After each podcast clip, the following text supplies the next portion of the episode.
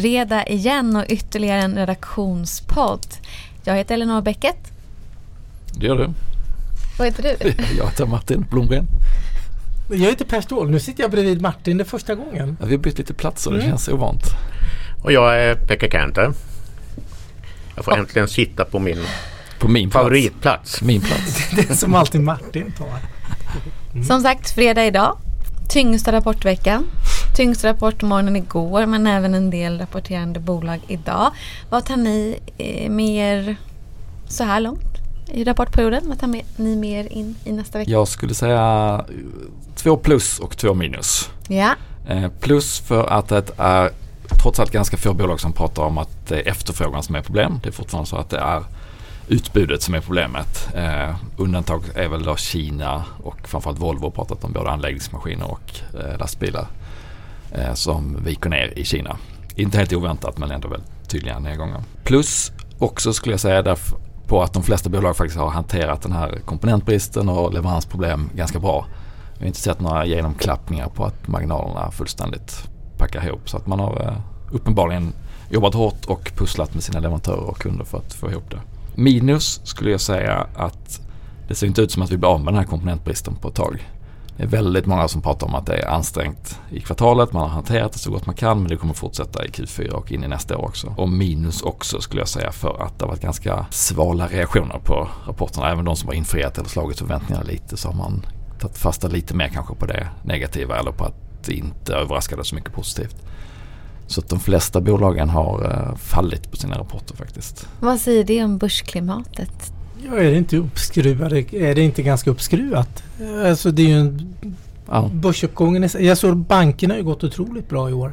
Otroligt bra. Ja, och det var hyggligt svalt mottagande på de här kanonrapporterna överlag. mm, Tycker absolut. jag i alla fall var min reflektion. Det, så det kändes mycket inprisat Mm. av det som man har läst har väl marknaden.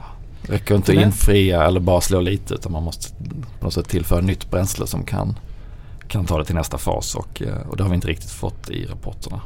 Men eh, den här komponentbristen att den eh, sträcker sig även in i nästa år. Det var, var väl också ganska inprisat å andra sidan. Det skulle jag säga att, att det var väntat men man hade ju kunnat hoppas kanske att man sa att vi är förbi puckeln att det kommer vara någon månad till men sen löser det sig. Men om något så har man ju förskjutit det eller cementerat att det kommer hålla i sig ganska länge. Så det, den, det svala börsmottagandet liksom, mottagandet är snarare bristen på positiva överraskningar än eh, liksom förekomsten av negativa överraskningar. Ska vi säga så? Ja, det skulle jag säga. Om, om den negativa överraskningen var att efterfrågan började vika på väldigt många olika marknader. Då hade det varit tuffare. Då hade det inte varit små nedgångar. Då hade det varit mycket bredare nedgångar. Så att, det kunde varit betydligt värre. Ja, tittar man på den amerikanska börsen så är det faktiskt av 109 rapporterade företag så är det 80 procent som har slagit förväntningarna. Mm. USA-börsen har väl gått lite bättre än den svenska också under veckan. Nosar på all time highs tror jag i USA nu igen. Man har varit väldigt duktiga på att föra vidare eh, sina eh, inköpspriser, alltså vidare till slutkund verkar det Mm. som. Men det kan man väl kanske inte göra i all evighet. Nej, till slut så hamnar det hos konsumenten och eh, till slut så blir det väl tufft då när utrymmet för att konsumera krymper och krymper. Då. Till slut är det ju de som inte kan föra priserna vidare som har dålig pricing power som får käka upp det på sin marginal. Och det har vi inte sett så mycket än men den här första veckan är det mest storbolag som har rapporterat. Nu kommer den långa svansen här och små och medelstora bolag och då kanske vi får se lite fler av exempel på bolag som inte har lyckats hantera det lika bra. Kanske dramatiska kursreaktioner. Ja, det ska man ju räkna med. Men jag tänkte på en annan sak där du precis så kan det bli nästa års snackis. Kan det vara att man tittar mycket på marginalerna då? Lite där Pekka är inne på prishöjningarna kan man föra vidare Ja, till det. slutkonsument till en viss del. Att det, det blir väldigt mycket mer marginalfokus. Förmodligen. Det tror jag vi redan kommer ha nu. Närmsta veckorna här när det kommer lite mindre bolag. De som inte har lyckats då föra det vidare. Eller de som har en lång tidsförskjutning där man säger att vi kommer att höja priserna för att kompensera. Men det kommer ta ett eller två kvartal innan det slår igenom. Har de ju förhoppningsvis rätt att det faktiskt slår igenom på sikt. Men då kan det ju bli två kvartal som är rätt så tuffa. Och sen kanske, sen är det ingen som vet hur konjunkturen ser ut om 6-9 månader. Så att eh, de kommer nog också få en liten snyting. Man ska alltid äga marknadsledare träffar jag Mhm. förvaltare som tycker. För att de har en stor fördel. De kan ofta sätta priset och ofta bäst pricing power. Vi får se, det kanske blir marknadsledarnas år nästa år då, att det blir större urskiljning. Ja, men, men eh, precis som vi har diskuterat nu, nu kommer ju inköpschefsindexen här, de preliminära för oktober. Och det är lite samma bild där eh, som, som Martin säger om rapportperioden. Att det, det är fortsatt med lite dämpad tillväxt. Eh, det är problemen är på utbudssidan och på prissidan. Men eh, man nyanställer till exempel så att det, konjunkturen rör sig åt rätt håll men en svalare takt. Och det är framförallt utbudsfrågan som, mm. som dämpar det. Ja, I den bästa av världar så kan det innebära att vi smetar ut en, en konjunkturuppgång. Att man inte får någon slags boom and bust ekonomi eh, närmsta tiden utan att det som hade kunnat sälja nu förskjuts in i 2022 och så får man en lite mer utsmetad uppgång. Ja, man hänvisar till exempel nyanställningar just till att man måste beta av mm. sina stora orderstockar så att man försöker desperat hitta liksom, mm. sätt att öka utbudet. Risken, en risk är ju för de bolagen som, som tar fysiska order att kunderna lägger kanske mer beställningar än vad de vill ha. Eh, Volvo pratar om att det är leveranstider på eh, en bra bit in i 2022. Volvo, lastbils Volvo alltså. Eh, I vissa fall in i andra halvåret 2022. Så att en kund som, som väldigt gärna vill ha en lastbil kanske lägger order både hos Volvo och någon annan för att se till att de får den i, i tid och sen när man får den så avbeställer man den andra. Volvo är ju väldigt restriktiva med att ta nya order. Det antar jag att de andra branschkollegorna är också för att man inte vill ha orderböcker som är fulla med luft när det sen börjar hitta balans mellan efterfrågan och utbud. Lyxbolag? Ja, de är ju också Apropå pricing power. På tal om pricing Precis. Det, det, de, de är lite speciella de eh, franska lyxbolagen ur en aspekt. De levererar bara helårs, eh, hela resultaträkningen och balansräkningen mm. i hel och halvår. Och nu är det ju Q3 som vi som bekant vet och då levererar man bara försäljningssiffror och sen får man gissa. Ja, det är som en light, eh, rapport light. Ja, den är ju väldigt, den är topp, topp, topp light får okay. man väl säga. Men försäljningen är det viktigaste. Så det går inte att komma ifrån. Den kommenterar man kostnaderna lite, lite mer kanske vad man gör investeringsmässigt mm. och så brukar man göra. Men de har varit jätte, de har varit väldigt bra tycker jag. De imponerar. LVMH som är den stora giganten och verkligen då pricing power får man väl se och är väldigt diversifierat. Ökade försäljningen med 20 under kvartalet mm. year on year. Men då vet vi alla att det var ju väldigt ganska svagt eh, Q3 i fjol. Då. Men även 2019 då som referens, en bättre referenspunkt så är försäljningen upp 11 procent. Vilket inte är så jättemånga branscher förutom de här teknikbolagen och digitala mm. bolagen då, som har som gör fysiska varor då som har nått eh, den här höga. Den här oron för att Kina skulle sänka försäljningen ordentligt har vi inte sett av så mycket då än så länge. Nej, det har kommenterat. Jag kan bara dra Hermes är stjärnan annars. Den är upp 31 procent year on year och upp 40 procent från 2019. Mm. Så där har man ju, mm. det är i princip att det inte har varit någon corona. Mm. Om man tittar efterfrågemässigt då. Och sen Kering då som har Gucci som stora varumärket levererade den absolut svagaste rapporten där Gucci står ungefär för 55 procent av totala omsättningen. Och levererade mycket sämre mm.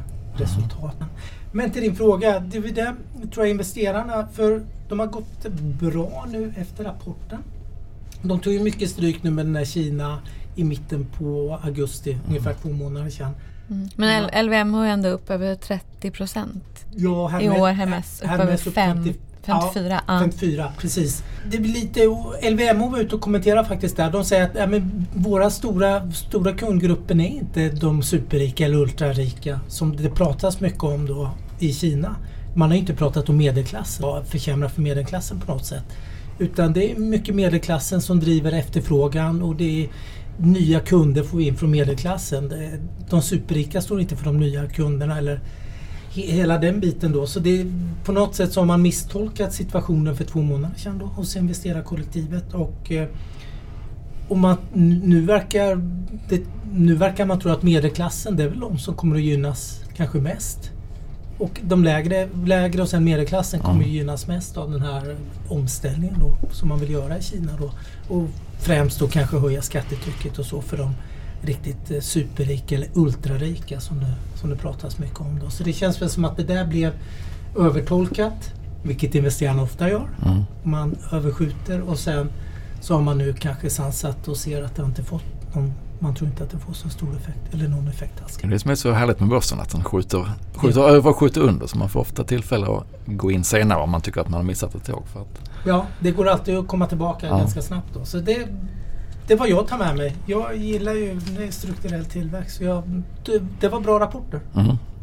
Och i USA, bankrapporterna inledde ju rapportsäsongen urstarkt i USA och sen eh, väntar vi väl på de flesta stora techbolagen. Netflix kommer väl om jag minns rätt bra rapport med lite eh, mjuk guidning som, som fick dem att tappa och eh, så att eh, igår kväll Snap, sociala mediebolaget, stört dök då på eh, i spåren av eh, Apples integritetsfunktionerna som man då har kunnat välja högre integritet på sin, sin iPhone har eh, straffat deras annonsförsäljning. Eh, sänkt sänkte även de andra Facebook och ett par av de andra sociala mediebolagen. Så det blir intressant att se om det är fler som pratar om det senare i rapportperioden. Något som jag, jag vet inte om du håller med mig, så jag känner inte att jag är supervattentät om jag säger det här.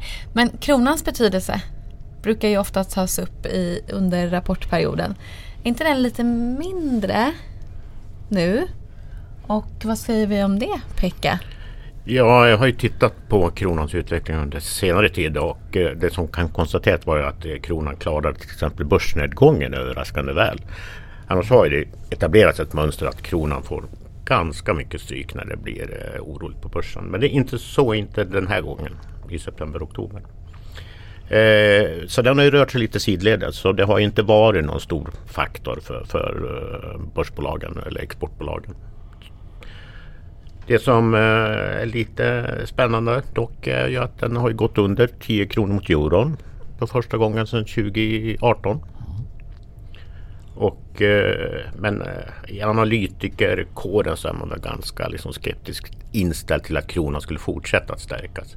I alla fall så länge Riksbanken ligger med nollränta. Utan, mm utan snarare så att om Fed och Bank of England börjar liksom strama åt så ska ju de valutorna stärkas. Och mm. dollarn är ju den absolut viktigaste.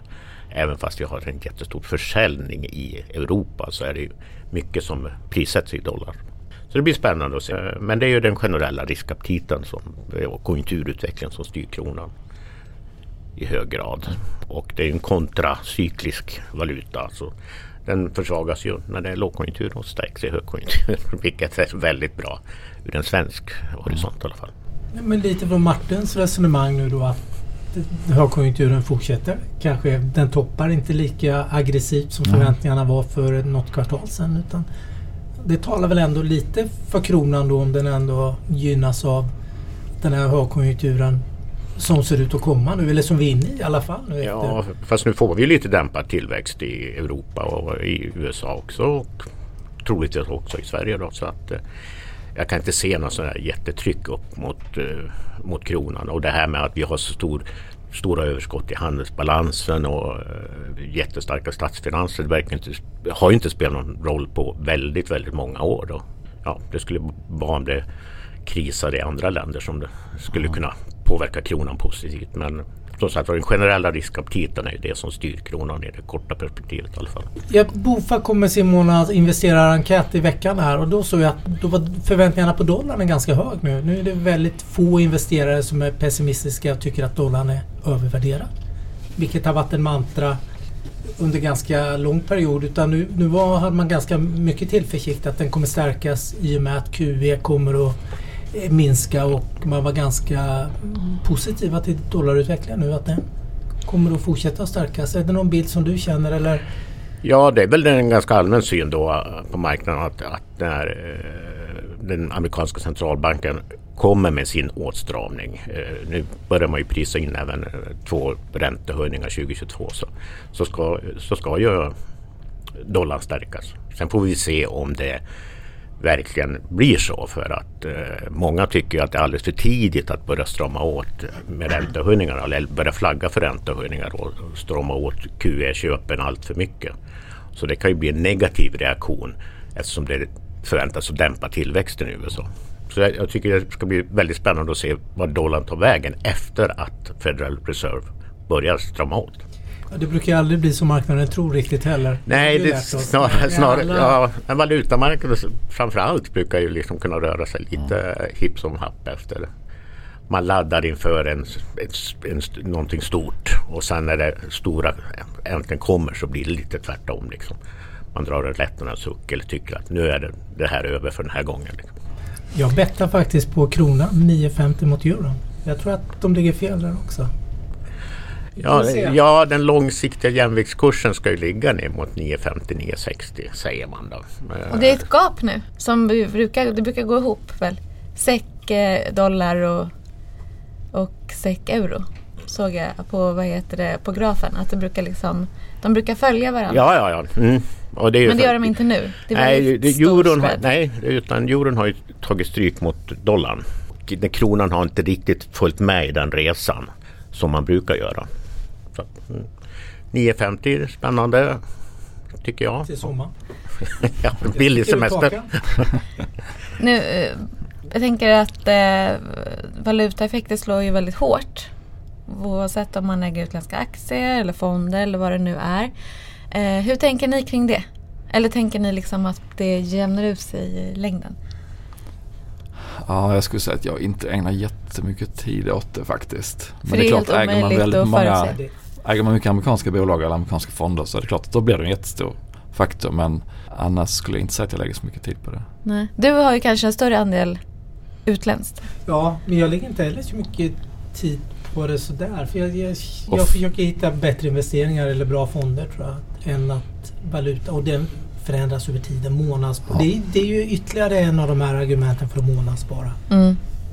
Du köper när börsen är högt eller lågt värderat och även när valutan är lite billigare. Det, det, brukar jämna ut sig över tiden. Men jag tänker på en annan ja. sak innan vi lämnar valutorna. Vad får det här för... För det är ju så mycket oljeprissnack och man pratar mycket råvaror och sånt. Jag läste en liten kommentar igår senast. Jag såg att de här lumber timmerpriserna är ner jättemycket nu sen de toppade. Iron ore eller järnmalmen är ner väldigt mycket sen rekordnoteringarna. Och de hänvisade till att dels att det var lite bubbeltendenser och att det var väldigt mycket förväntningar på efterfrågan som inte har eh, kommit. Och, men de hänvisar ju också till, då här mycket prissätts ju i dollarn, att den här dollarn har stärks nu får råvarupriserna att sjunka. När får vi se det på oljan tror du? Ja, jag tror att eh, det, det nog dröjer. Alltså, jag tror också att oljepriset kommer att falla från dagens nivåer. Alltså, men eh, jag ser inte att dollarn ska vara den stora faktorn. Utan det ska vara liksom att utbudet kommer tillbaks eller liksom att OPEC höjer produktionen eller någonting. Vi får en rejäl lågkonjunktur liksom, som dämpar priserna. Men jag, jag, tror inte att dollarn spelar så stor roll. Nej, för oljepriset skiljer väl mot det Martin pratar om. Han pratar bolagsrapporten, efterfrågan är bra om vi har problem på mm. utbudssidan. Här är väl snarare problemet på utbudssidan än att efterfrågan är enormt stor. Ja. Oljeutbudet. Eller energiutbudet generellt. Ja. Ja, nej, men och Ryssland har ju liksom sett Europa lite grann i en äh, rävsax här. De, de är villiga att öka exporten av gas men det Förutsättningen är då att Nord Stream 2 liksom godkänns och man börjar leverera via den. Så det är Amerika... lite politiskt spel då. Det... Eftersom amerikanerna är väldigt negativa till Nord Stream mm. 2. Det kommer ju svida i plånboken för många konsumenter om den här vintern går igenom med höga energipriser plus att alla bolag då som höjer sina priser mot eh, business to business kunder och sen till slut så kommer det komma då konsumentledet. Så att, eh, ja. det, någonstans så ska det ju ta vägen och det kommer påverka utrymmet i konsumentens plånbok till slut. Och då är vi ju inne i det här stagflationsscenariet som inte är särskilt positivt för börsen. I veckan så kom ju Berger Book som är amerikanska centralbankens sammanställning av, av liksom hur det ser ut i olika regioner i USA. Och det var ju det att beskedet var ju arbetskraftsbrist, löneökningar, stigande priser och lite dämpad tillväxt. Jag tycker att den, i och med att det är rapportperiod så gick den lite under radarn. Men jag tyckte att det var en ganska eh, oroväckande eh, beskrivning av tillståndet. Och om vi nu dessutom ska lägga på åtstramningar från Federal Reserve så lite orolig för hur det kommer att se ut efter rapporten. Veckans snackis, förutom en viss bank då nära oss, måste vi säga är Volvo-noteringen. Vad kan vi yes. säga om det? Volvo Ni... Cars. Volvo Cars och det där kommer bli, det kommer liksom bli den nya riskbanken och markanden. Ja, det är lika det är ständigt, ständigt skilja på vilken Bil Volvo vi pratar om. och lastbils-Volvo eller vad ja, man nu precis. Men nu pratar vi personbilar här. Mm. Ja men de kom ju med eh, beskedet att de går till börsen nu. Det hade de gjort innan men nu kom prospektet och nu kom datumen och, och det är då den 26 så man måste teckna sig som privatperson om man ska vara med och det är den 28 alltså nästa torsdag blir det väl som är första handelsdag. Eh, och det här är ju en soppa kan man säga. Det är ju på något sätt allt som definierar 2021 nästan. Det är eh, spackar, kineser, bilar, eh, halvledare. Man får lite av allt i det här. Och även värderingen är en soppa därför att dels är det ett stort eh, intervall. Det är 53 till 68 kronor motsvarande 163 till 200 miljarder kronor i börsvärde. Detta kritiserade otyg Med som han stort, fortsätter eh, med. Ja. Precis, med ett stort eh, noteringsintervall. Då. Eh, och till den osäkerheten kan man då lägga att en väldigt stor del av värdet i Volvo är det här hälften ägda bolaget Polestar som är ett rent elbilsbolag numera. Som ska gå tillsammans med en SPAC. De har skrivit ett avtal redan på en värdering om 20 miljarder dollar som ska noteras i första halvåret nästa år i USA. Så beroende på hur man väljer att göra med det här värdet, om man tror att det faktiskt är värt eh, nästan då 190 miljarder eh, eller det blir 89 miljarder för Volvos del efter det här SPAC-avtalet. Om man väljer att räkna in det eller inte blir det otroligt stor skillnad i, i värdet på Volvo. Men även om man inte tar med det så, så hamnar man eh, på den vinst och omsättning som Volvo har idag på ett, en värdering som är lite lägre än, än snittet på de andra traditionella biltillverkarna. EV ebit på 6,5 och EV sales, alltså då hela företagsvärdet i förhållande till försäljningen på 0,5. De ser ändå lite billigare ut även om man inte väljer att svälja hela den här Polestar-värderingen. Och tar man bort den då ser det, ja, då ser det faktiskt rätt så billigt ut. Men, Men. men precis. Sen finns det ju alla de andra faktorerna med, med kinesisk huvudägare som kommer vara kvar med Eh, ungefär 80 procent av kapitalet och nästan alla rösterna fortfarande. Och till det kan man lägga själva verksamheten då som man nästan har glömt att prata om. Som, som går, ska gå från att vara nästan helt fossildrivna bilar. De har bara 3 procent elbilar nu, en hel del hybrider också. Men till att ha då hälften eh, av försäljningen från elbilar 2025 och 100 procent elbilar 2030. Så det är ju en omställning av den högre skolan som de har ställt sig in på att göra. Samtidigt, man har ett tidsfönster nu tror jag att Eh, man tar in 25 miljarder, man har ett tidsfönster att, att verkligen blåsa på och ta en position bland premiumtillverkarna på elbilsmarknaden. Då måste man göra det nu. Så att jag, jag tror att Volvo gör rätt. Eh, jag tycker att det finns väldigt mycket osäkerhet i själva frågan om man ska teckna eller inte.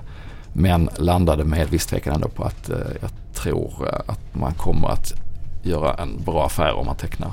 Så att teckna var mitt med tvekan råd på det här.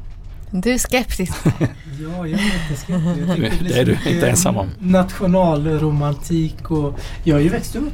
När jag växte upp då var ju Volvo liksom den stora ledstjärnan i Sverige under hela 80-talet får man väl Mm. säga. Det var ju liksom... Då ägde de allt. Då Du var, tänker det, då var att det man, snus och, man är, och är man svensk så är man liksom bias här. Ja, men det blir lite bias och det man läser och folk blir så himla industrialistiska och Mm. national. Det är ledarsidor och det är alla ute och pratar.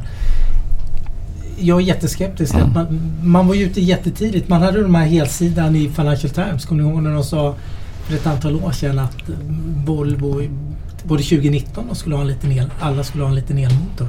och de har ju varit på väg mot en Ja. notering tidigare och, Vilket och de har tillbaka. satt in kanske en liten elmotor då och gjort någon lätt hybrid av allt. Jag är jätteskeptisk. Jag, jag läste faktiskt, BMW släppte en, en, Ja. hel, en elbil idag som fick, eh, eller i veckan, som har fått extremt bra mottagande. Dyr. Det vet vi att saker och ting är dyra nu. Men eh, det slog mig några grejer. De sa så här. Modellen har magnetfria elmotorer och kräver inte några sällsynta jordartsmetaller. Det har ju varit diskussion om för det finns Mm. väldigt mycket sådana metaller i Kina. Mm. Eh, Så nu har man redan då på den här, tycker jag, ganska korta tiden då lyckats manövrera bort ett av problemen då som har varit uppe då kring elbilar. Batteriet har lägre andel kobolt och man har kobolt från Australien och Marocko, Kongo. Som ändå ger högre energidensitet. Nej, vad är poängen med det där? är Att det känns som utvecklingen går så himla snabbt. Lätt att hamna fel. Det är jättelätt att hamna fel. Eh, jag ser jättemycket Volkswagen, eh, deras elbilar nu på gatan där jag bor. De bara ploppar Mm. upp. Och vilket, Ja, det är ju jag. det mest Ja, det- sålda Ja, elbilen i Sverige nu. ja. Så utvecklingen går, jag vet Mm. inte, man kanske ska ge dem en chans. Men jag tror inte man...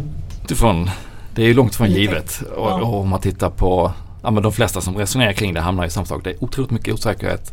Eh, både i då ägarsitsen och värderingen och omställningen man ska göra. Samtidigt så tror och hoppas jag att det här kommer också spela in på vilken värdering man sätter in dem på börsen. All det här trycket de har på sig nu. Storägaren då Li Shufu, han kommer ju ha kvar 80%. Så jag, jag tänker att han har ju råd att sätta priset ganska attraktivt för att de här nya ägarna ska få en hygglig start. Eh, och ändå har han ju sin stora andel kvar som han kommer att eh, kunna växa med.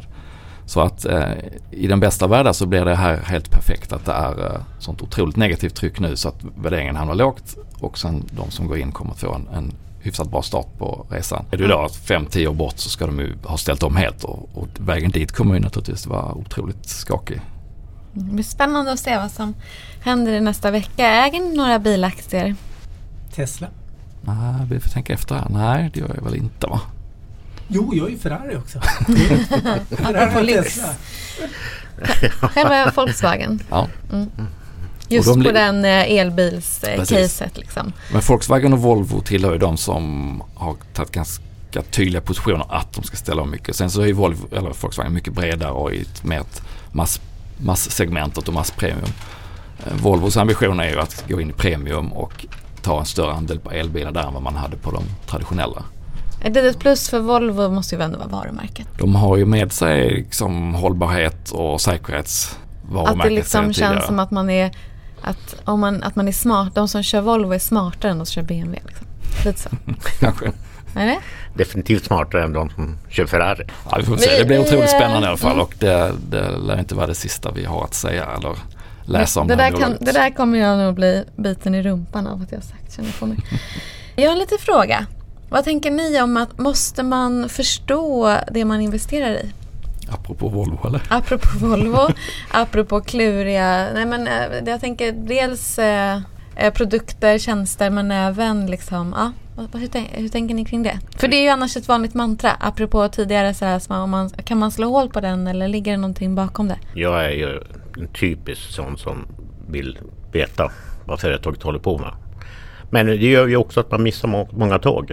Alltså det är ju där man hittar de stora vinnarna liksom där, där framtiden är lite osäker. Men, men jag eh, gillar de här lite trygga, lite sega bolagen som ger utdelning. Jag, jag tar ju gärna rygg på någon bra management eller det.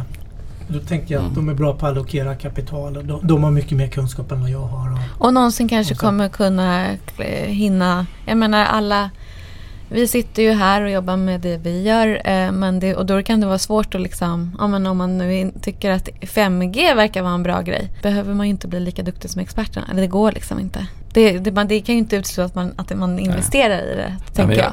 jag. Jag håller med dig helt upp här att om man, om man har identifierat ägare eller eh, företagsledare som man har ett jättestort förtroende för.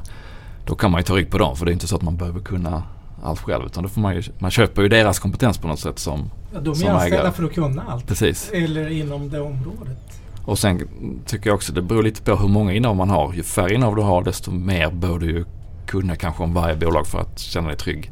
Du kan ju diversifiera bort din eh, dumhet eller okunskap genom att ha fler innehav. Och man kan, och man, det ena utesluter inte det andra. Du kan ju köpa en liten del i ett bolag som du tycker att du inte har så bra koll på men du vill lära dig mer. Och så följer du bolaget och läser rapporter under en period. Så ju mer du lär dig kanske du känner mer trygg med att öka upp eh, positionen. Men det där gillar jag. Det där gjorde jag faktiskt eh, för ett år sedan. Eller knappt ett år sedan. Eh, Jag köpte det där Intelia Ja, som eh, håller på med gensax. Och jag kan Just det. ingenting om gensaxar. Jag sov på biologilektionen uppenbarligen också på högstadiet. Men- Frågan är om det hade hjälpt om du Ja, inte hade gjort det. hade det. nog hjälpt. Men där, eh, det var ju Nobelpristagare i kemi i fjol, en kvinna. Doudna. Mm. Eh, Hon är en av grundarna till det här bolaget. Eh, Jag tog rygg på det. då. Nobelpristagare i kemi. Hon har betytt jättemycket för den här gensax. Mm. Eh, Hela området då är jättebetydelsefull. Där har jag tagit rygg. Mm. Har du ökat sen då? När du, Jag har ökat lite. Ja. Nu har jag slutat öka. Ja. Men jag har fortfarande kvar innehavet då. Mm. Man kan kika på ägarlistan också. Det är lite samma spår ju. Ja men precis. Titta vad, vilka andra är det några stora institutioner och så vidare. Och, som man Några liksom, bra fondförvaltare som Mm. man Ja, tycker precis. är duktiga. Går att se om de har de innehaven. Ofta ska jag väl erkänna att jag inte lever som jag lärde utan när jag väl hittar något som man tycker är spännande så blir man så uppspelt så att då går in med allt som jag hade tänkt från början. Men principen är bra. Däremot så kan man ju säga att det är otroligt viktigt att man förstår liksom ett värdepappers, hur ett värdepapper fungerar och hur handeln fungerar. Det är något helt annat Mm. och det ska man ju alltid ha med sig för annars kan man ju gå bort sig fullständigt. Och någon slags grov bedömning av hur stor risknivå det är. Även om man inte förstår hur den här gensaxen fungerar. Eller om man är inne i biotechbolag. så måste man ju förstå att risken för att om det är liksom ett eller noll om det här lyckas eller om det då är Telia där intäkterna tickar in varje månad. Det är ju väldigt stor skillnad. Ja. Så att man, även om man inte kan verksamheten i detalj, förstår vilken ungefär risknivå det är på innehaven. Ja, bra. precis. Förstå utspänning om det är en nyemission, förstå urholkning om det är ett certifikat och så vidare. Det, det kan man i alla fall säga är jätteviktigt. Har vi glömt något? Eller ska vi ta helg? Nej, Pekka, vänta nu. Pekka har ju klivit in och tradat lite i veckan. Ja men just det, vi måste säga vad vi har gjort Ja. för affär. Klivit över klivit Östersjön, över var det? Bottenhavet här. Jag har köpt ett finskt bolag som heter Tokmanni. Eller Tokmanni som ni säger på svenska. en eh, finsk eh, lågpriskedja som Börsveckan skrev om för en vecka sedan. Eh, jag tyckte att eh, lät inte passar ju då min försiktiga strategi. Mm. Jag vet vad, ungefär vad de gör. Finskt ÖB, lite bredare produktutbud. Vallfärda finländarna dit. Ja, men alltså, jag tror väl att man, man handlar på rätt bra. I, och eh, ska det nu bli hög inflation och grejer så kanske det är fler som letar sig till lågprisbutikerna. Men det, är- ja, ja, det är ju ingen tiodubblare precis men ett tryggt stabilt bolag som dessutom kommer med en hygglig yield. Passar min långsiktiga portfölj. Har du kastat ut någonting eller du hade Nej, jag, har, jag hade pengar på kontot att köpa. Och Per och Martin, positionerar ni er inför liksom, rapportperioden eller? Ja, jag positionerar mig genom att vara fullinvesterad och har inte gjort någonting den här veckan heller faktiskt. Nej, jag har inte gjort någonting den här veckan. Fullt upp med Volvo-prospektet. Jag, jag fyllde på lite i Boliden idag. Som backar lite eller? Apropå backa mycket till och med. Var du där och Eh, stödköpte? Så ja, stödköpte jag lite precis. Eh, men eh, apropå det här med att oh, det ofta blir överreaktioner Mm. så tänkte jag att det kunde vara att det var tillfälle. Men eh, that's it. Ganska Ingen lugnt. mer. Jag vill säga att Karl Lantz är eh, välkommen tillbaka av semester så han kan liksom u- fylla ut den här delen av vår podd när vi berättar om våra egna affärer. Jag tror Han han, kan man tradat som lita bara på. den på sin semester. Ja, säkert. Men nu tar vi helg i alla fall. Ja, det vi. Trevlig helg. Tack så mycket. Hej då! Hej. Hej då!